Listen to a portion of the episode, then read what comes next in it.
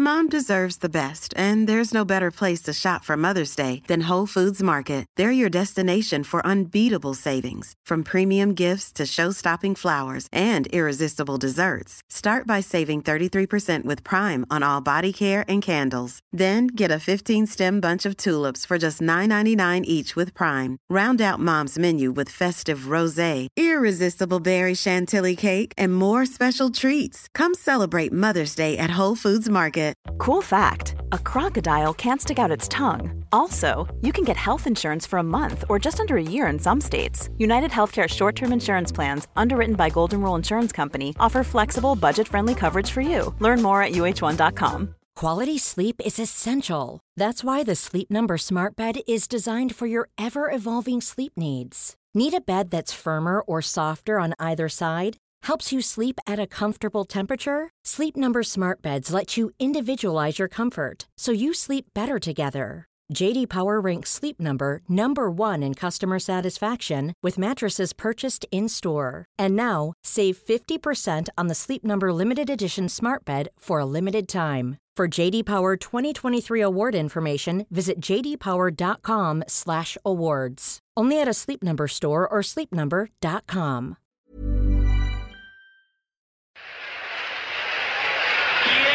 tenga genes revolucionarios, quien no tenga sangre revolucionaria, quien no tenga una mente que se adapte a la idea de una revolución,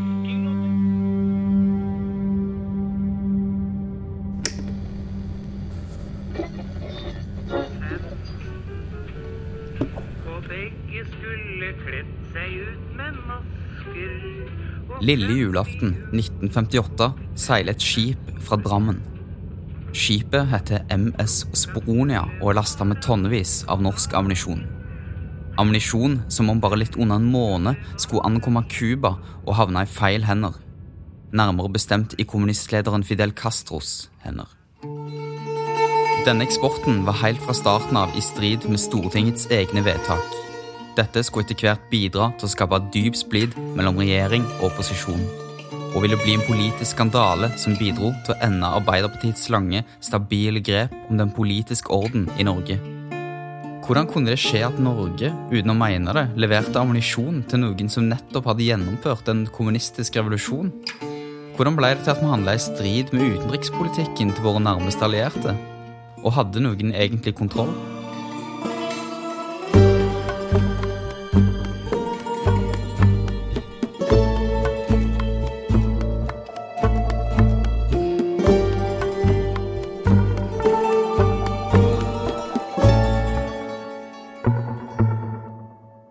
Før vi finner svarene er på utkikk etter, må vi mønstre av MS Sponia og bevege oss litt tilbake i tid.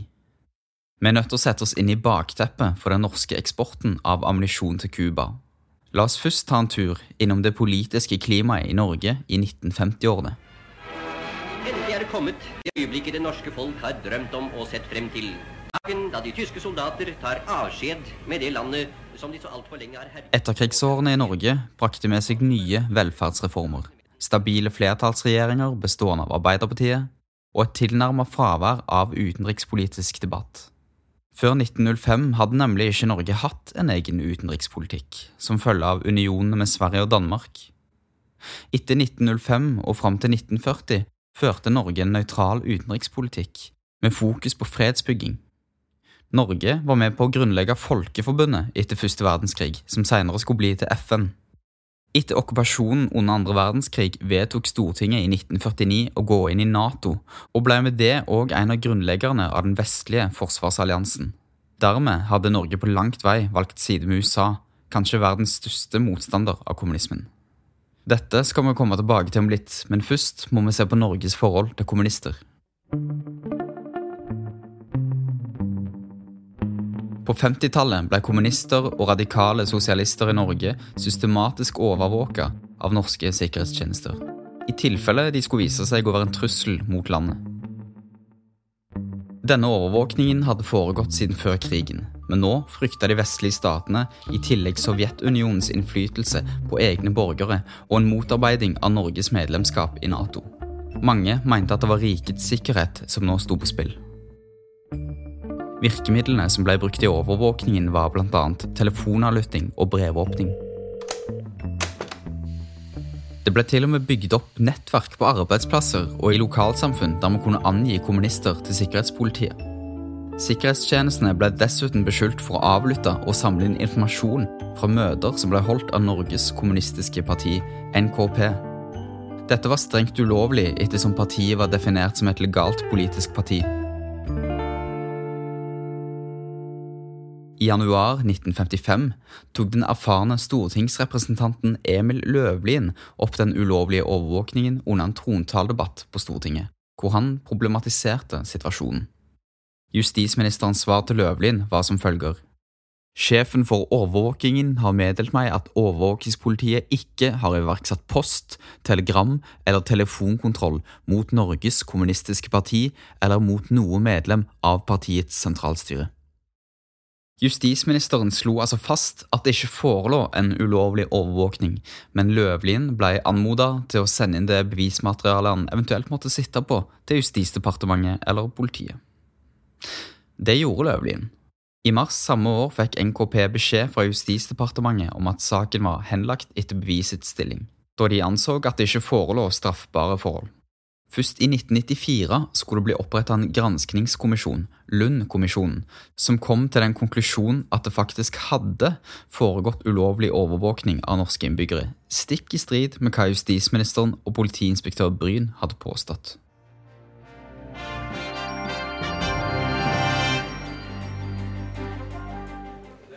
Det skrives politisk historie når Stortingets kontroll- og konstitusjonskomité i dag holder den første av fem åpne høringer basert på Lund-kommisjonens rapport om ulovlig overvåkningsvirksomhet overfor norske borgere. Det er et solid verk, svært verk, tjukt verk. Det dreier seg om Lund-rapporten. Lund-kommisjonen kom dessuten fram til at det var spesielt venstresida som hadde vært utsatt for dette. Noen år seinere ble det utbetalt 11 230 000 kroner i erstatning til enkeltpersoner for å ha vært utsatt for ulovlig overvåkning av staten. Kommunistene ble av mange i Norge sett på som en trussel mot rikets sikkerhet. Derfor mente mange at overvåkningen var, eller i det minste burde være, lovlig. Einar Gerhardsen, også viden kjent som Landsfaderen, uttalte seg om personer som ble ansett for å true rikets sikkerhet. Han sa at man må ikke følge reglementet når det gjelder disse folkene. Nå som vi har fått innblikk i synet på kommunister i Norge på 50-tallet, er vi i bedre stand til å forstå noe av årsaken til hvorfor eksport av ammunisjon til Castros Cuba var problematisk, for å si det mildt. Men hvem var egentlig regjeringen på denne tida, de som ga tillatelse til eksporten? Regjeringen i 1958 var statsminister Einar Gerhardsens tredje regjering. For å si det slik mange sa det den gang, at skal, ingen skal ha kake før alle har fått brød. Og slik var det på alle områder. Det, vi måtte gjenreise de Denne regjeringen ble utnevnt av kongen på starten av år 1955 og var en ettpartiregjering. Dette vil si at absolutt alle regjeringsmedlemmene var medlemmer av Arbeiderpartiet. Den reelle politiske makten i Norge hadde altså i praksis flytta seg fra stortingssalen til Arbeiderpartiets hovedkontor på Youngstorget. Fordi Arbeiderpartiet hadde en ettpartiregjering, var styringa av landet stabil, og opposisjonen hadde i grunnen ikke så mye de skulle ha sagt. Eller, de sa ganske mye, men det blei som regel med det. Men denne politiske orden fra etterkrigsårene skulle bli utfordra ved utgangen av 1950-årene, og opposisjonen skulle komme til å spille en større rolle i norsk politikk i tida framover. Da norske myndigheter i 1958 ga Raufoss ammunisjonsfabrikker tillatelse til å eksportere ammunisjon til Cuba, er det, som vi skal se, mye som tyder på at regjeringen ikke hadde kontroll på hendelsesforløpet. Forut denne beslutningen var det mye som gikk svært, svært feil. Informasjon ble villig tilbakeholdt eller glemt, og det ble tatt hensyn som var stikk i strid med det norske regelverket. Hvem som lyver og hvem som fortalte den fulle sannheten, kan vi ikke vite. Og mange av de store skikkelsene i denne historien er nå gått bort.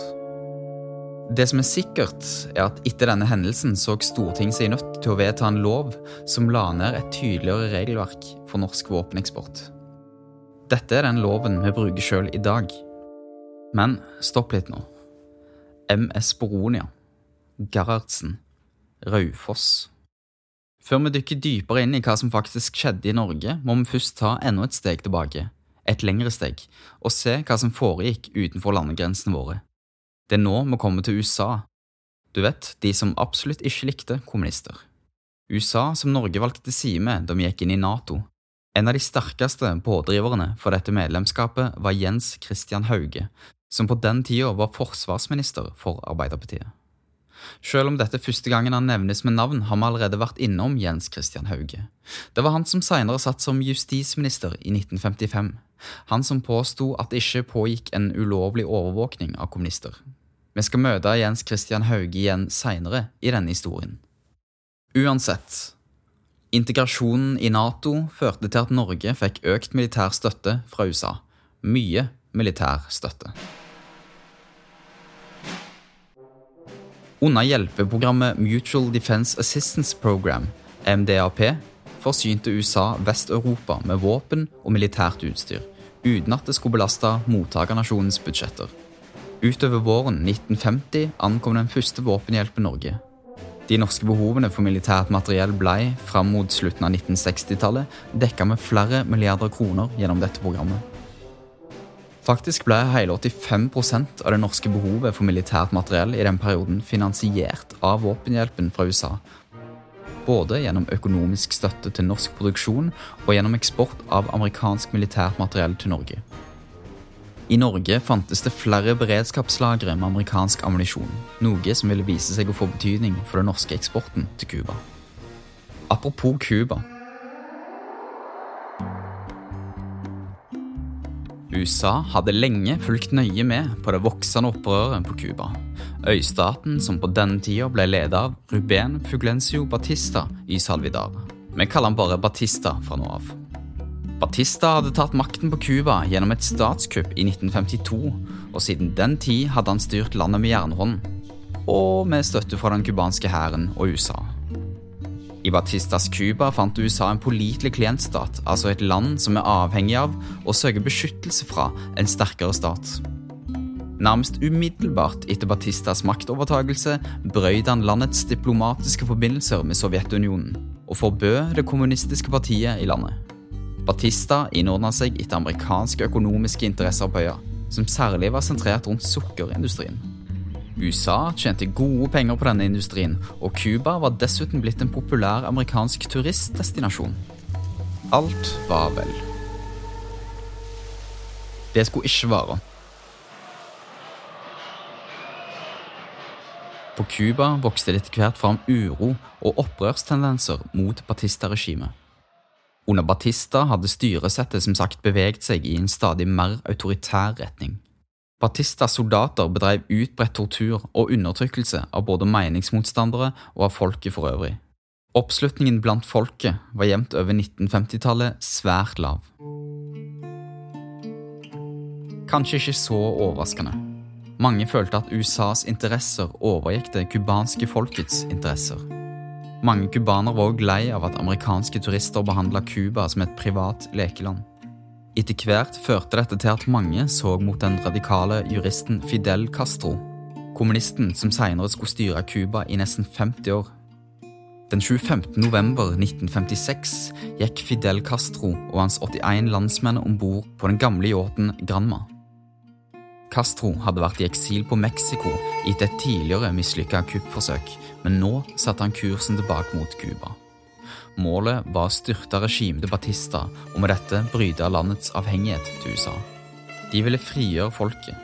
Båtreisen fra Mexico til Cuba ble vanskeligere enn først antatt. Den 1900 km lange reisen tok syv dager, og de hadde lite mat. Mange av mennene ble sjøsyke, og noen falt til og med over bord. Dette forsinka reisen deres. Da Castro og hans menn til slutt ankom Cuba, flykta de straks opp i fellene Sierra Maestra. Batistas soldater hadde angrepet de gjentatte ganger, og til slutt var det bare 19 opprørere som slo leir langt opp i fjellene. Det skal godt gjøres å styrte et regime med 19 menn. Heldigvis for Castro hadde folket lenge sett hvordan. Mange verva seg direkte til saken, og flere på landsbygda ga dem beskyttelse, mat og husly. Folket var lei av den brutale behandlingen fra Batistas soldater. Revolusjonen på Cuba ble forma gradvis fra måned til måned, og for det internasjonale samfunnet vedvarte situasjonen som et udefinert politisk opprør. Opprøret ble med tida definert som en borgerkrigslignende tilstand. One size fits all seemed like a good idea for clothes Nice dress. Uh, it's a it's a t-shirt. until you tried it on. Same goes for your healthcare. That's why United Healthcare offers a variety of flexible, budget friendly coverage for medical, vision, dental, and more. So, whether you're between jobs, coming off a parent's plan, or even missed open enrollment, you can find the plan that fits you best. Find out more about United Healthcare coverage at uh1.com. That's uh1.com. This is Paige, the co-host of Giggly Squad, and I want to tell you about a company that I've been loving, Olive and June. Olive and June gives you everything that you need for a salon quality manicure in one box. And if you break it down, it really comes out to $2 a manicure, which is absolutely insane. It's also so easy to get salon worthy nails at home with Olive and June. The difference between how your nails used to look when you did them yourself and now with the Manny system is a complete game changer. The best thing about Olive and June too is it's a quick dry. Dries in about one minute, lasts for five days, and full coverage in up to one to two coats. Visit oliveandjune.com slash perfectmanny20 for 20% off your first system. That's oliveandjune.com slash perfectmanny20 for 20% off your first system. Quality sleep is essential. That's why the Sleep Number Smart Bed is designed for your ever evolving sleep needs. Need a bed that's firmer or softer on either side? Helps you sleep at a comfortable temperature? Sleep Number Smart Beds let you individualize your comfort so you sleep better together. JD Power ranks Sleep Number number 1 in customer satisfaction with mattresses purchased in-store. And now, save 50% on the Sleep Number limited edition Smart Bed for a limited time. For JD Power 2023 award information, visit jdpower.com/awards. Only at a Sleep Number store or sleepnumber.com. Samtidig utsatte Batista stadig de demokratiske valgene. Han visste at han hadde lav oppslutning blant befolkningen. I et forsøk på å presse fram demokratiske endringer på øya besluttet amerikanske myndigheter i mars 1958 derfor å suspendere alle sine våpenleveranser til Batista. Situasjonen var blitt for betent til at de ønska å ta igjen. Det cubanske regimet ble nå tvunget til å finne nye leverandører av våpen og ammunisjon. Noen måneder senere skulle det vise seg at det norske statseide selskapet Raufoss Ammunisjonsfabrikker kunne være akkurat det Batista var på utkikk etter. Det norske selskapet Raufoss Ammunisjonsfabrikker, heretter forkorta til RA, var en statseid industribedrift som ble oppretta 11.11.1896 på Raufoss. Selskapet hadde som hensikt å produsere ammunisjon. RA ble svært viktig spesielt i Toten-området, fordi det bidro sterkt til sysselsetting. Sysselsetting og arbeidsplasser var minst like mye et viktig fokus på denne tida som det er i dag. I midten av juni 1958 besøkte en journalist fra Arbeiderbladet selskapet i Raufoss for å lage en reportasje. Den utsendte journalisten kunne skryte av et fabrikkområde på over 1300 mål. Til sammen 2200 maskiner og 300 bygninger. En stadig økende sivil produksjon samt en spisesal 50 meter under jorda, utstyrt som en førsteklasses restaurant. I etterkrigsårene fram til slutten av 1950-årene opplevde RA en enorm vekst. Det samla salget fra RA i 1949 utgjorde 23 millioner kroner. Ti år senere, i 1958, hadde salget steget til 119 millioner kroner, altså en vekst på hele 96 millioner kroner. 86 millioner av disse var utelukkende salg av militært materiell. Direktør Onaheim uttalte til Arbeiderbladets journalist at kapasiteten ved bedriften er så stor at vi må ut med våre produkter på verdensmarkedet. Verdensmarkedet var stort, men etter den siste utviklingen i verdenspolitikken så RA nå en gyllen mulighet i Cuba. Interessen var gjensidig. 21.11.1958 retta RA derfor en uformell henvendelse til Utenriksdepartementet, hvor de ba om tillatelse til å eksportere ammunisjon til Cuba. Allerede dagen etter fikk de svar. Utenriksdepartementet ville ikke tillate eksporten, med begrunnelsen at det nå var opprørstilstander på Cuba. En slik eksport ville ikke være i tråd med norsk regelverk. Norge hadde nemlig et regelverk rundt eksport av våpen og ammunisjon, og på denne tida. Dette regelverket ble kalt 1935-vedtaket. 1935-vedtaket ble vedtatt av Stortinget etter at Norge hadde blitt kritisert for å eksportere 22 000 artillerigranater til det krigførende landet Bolivia. Norge hadde forut for dette slutta seg til en våpenembargo, altså et forbud mot våpeneksport som Folkeforbundet hadde initiert.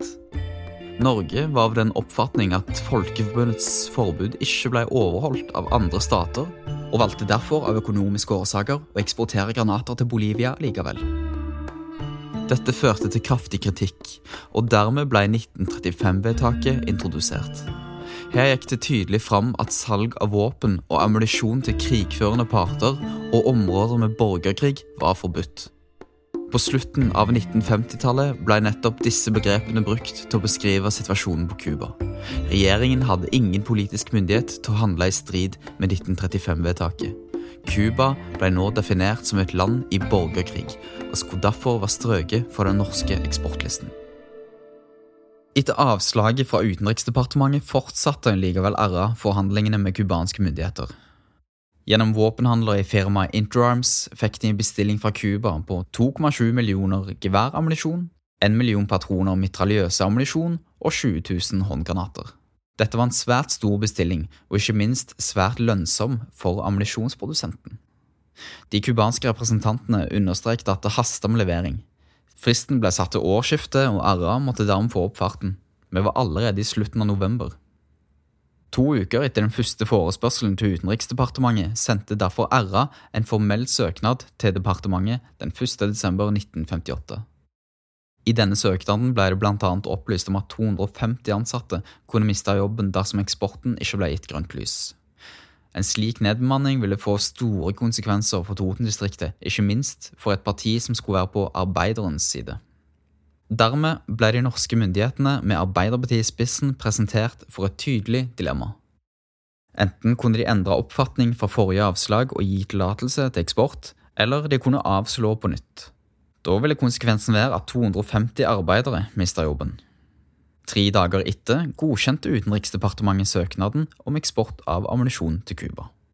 RA kunne imidlertid ikke levere så mye ammunisjon som Cuba ønska på så kort tid, vi har allerede vært innom Jens Christian Hauge, tidligere forsvarsminister og justisminister. Det har aldri sluttet å forbause meg at jeg får en slik karakteristikk som bulldoser.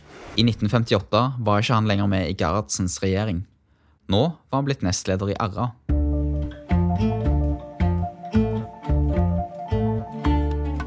Som nestleder sørga han for at amerikansk ammunisjon fra beredskapslagrene i Norge ble henta ut til leveransen.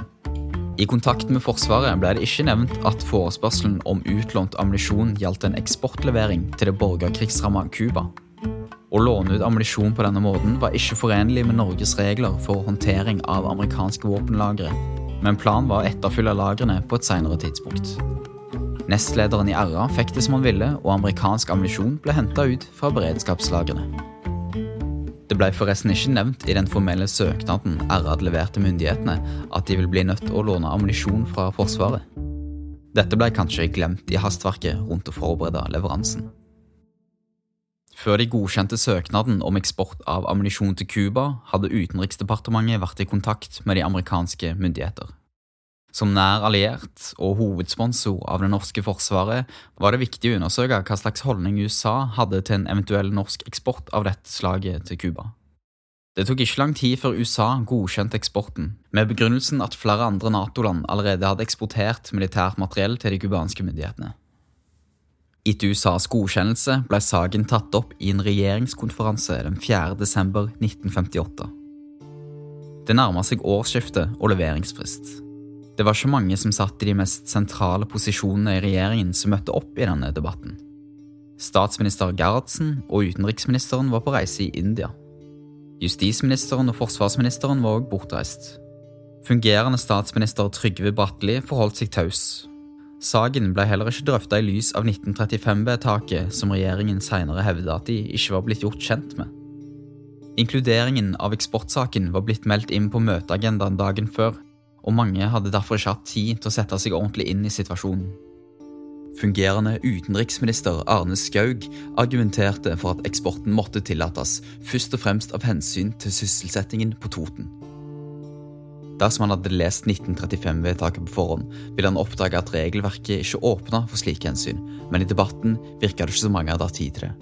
Eksporten måtte tillates, og slik ble det. Regjeringen hadde nå gitt sin godkjennelse. I en svært hektisk periode ved slutten av 1958 ble eksporten arrangert.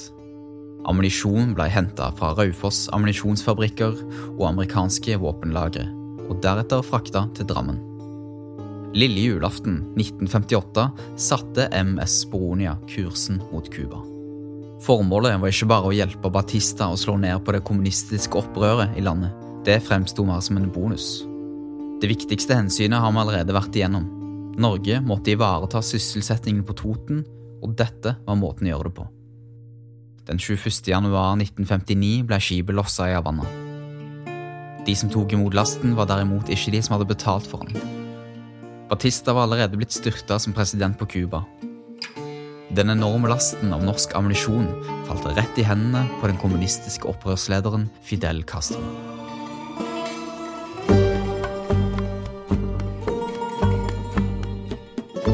Du har hørt del én av Cuba-saken. Denne podkasten er basert på åpne forskningsartikler, nyhetsartikler og rapporter, åpne regnskap og offentlig informasjon fra Namora Raufoss og referater fra stortingsdebatter. Lydklipp er henta fra NRK og Stortinget. Innlesing, produksjon, musikk og lyddesign av Brage Pedersen. Idé, research og manus av Lillian Sætran. Cuba-saken er publisert av Gjenklang.